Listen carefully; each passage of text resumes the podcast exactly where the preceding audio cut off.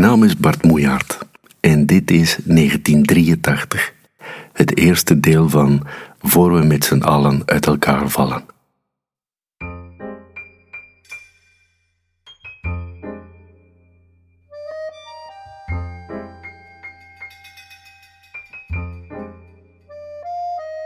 Op 18 oktober 1983 verscheen het eerste nummer van het tijdschrift Voor we met z'n allen uit elkaar vallen. Op de voorkant stond mijn schoonzus.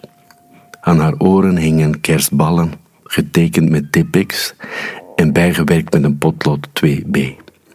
De trucage zag er gekopieerd in zwart-wit zeer overtuigend uit. Het is niet onbelangrijk te vermelden dat mijn schoonzus een aantrekkelijke vrouw is met heldere ogen en een rustige blik. Het eerste nummer van Voor we met z'n allen uit elkaar vallen veroorzaakte, ondanks de kerstballen en de blik van mijn schoonzus, veel ontsteltenis onder mijn oudere broers en mijn ouders, voor wie mijn gezinstijdschrift was bestemd. Op bladzijde 3 had ik namelijk een brief van mijn één na oudste broer afgedrukt. De brief was geschreven aan het hele gezin. En bij het ter perse gaan van mijn tijdschrift vond ik zijn eerlijkheid bewonderenswaardig.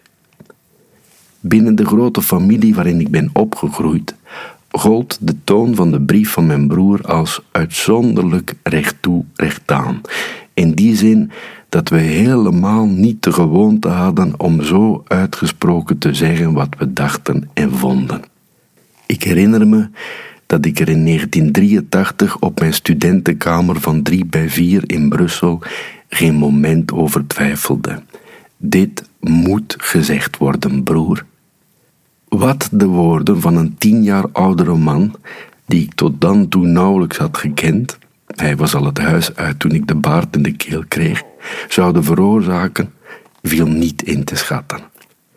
Terwijl de belangrijkste boodschap van de brief eigenlijk niks wereldschokkends had.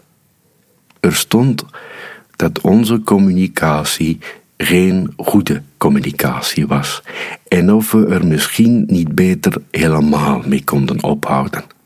Als echte gesprekken dan toch te moeilijk waren, konden we ons de hele moeite beter besparen. Mijn broer vond het verschrikkelijk dat we met elkaar de goed nieuws show speelden en bij onderwerpen die wat moeilijker lagen om de hete brei heen draaiden. Wat had je eraan als je bloedverwant nooit echt het achterste van zijn tong liet zien? Uh, dit is mijn nieuwe auto, verder gaat alles Colgate, dank je wel.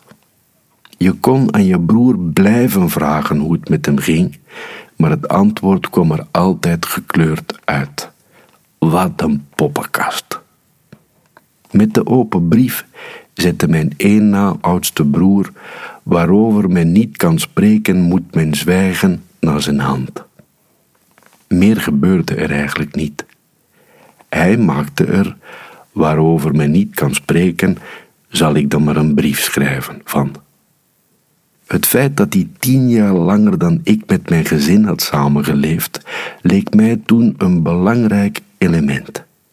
Ik had als jongste veel minder van de wereld gezien en ik vond bij gevolg dat het beter was mijn mond te houden en dat ik zeker niet zelf aan een antwoordbrief moest beginnen.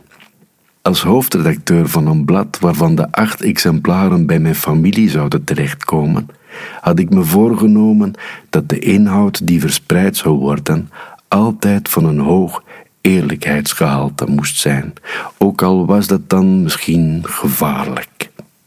Op dat moment was mijn houding tegenover de wereld onzeker en zoekend.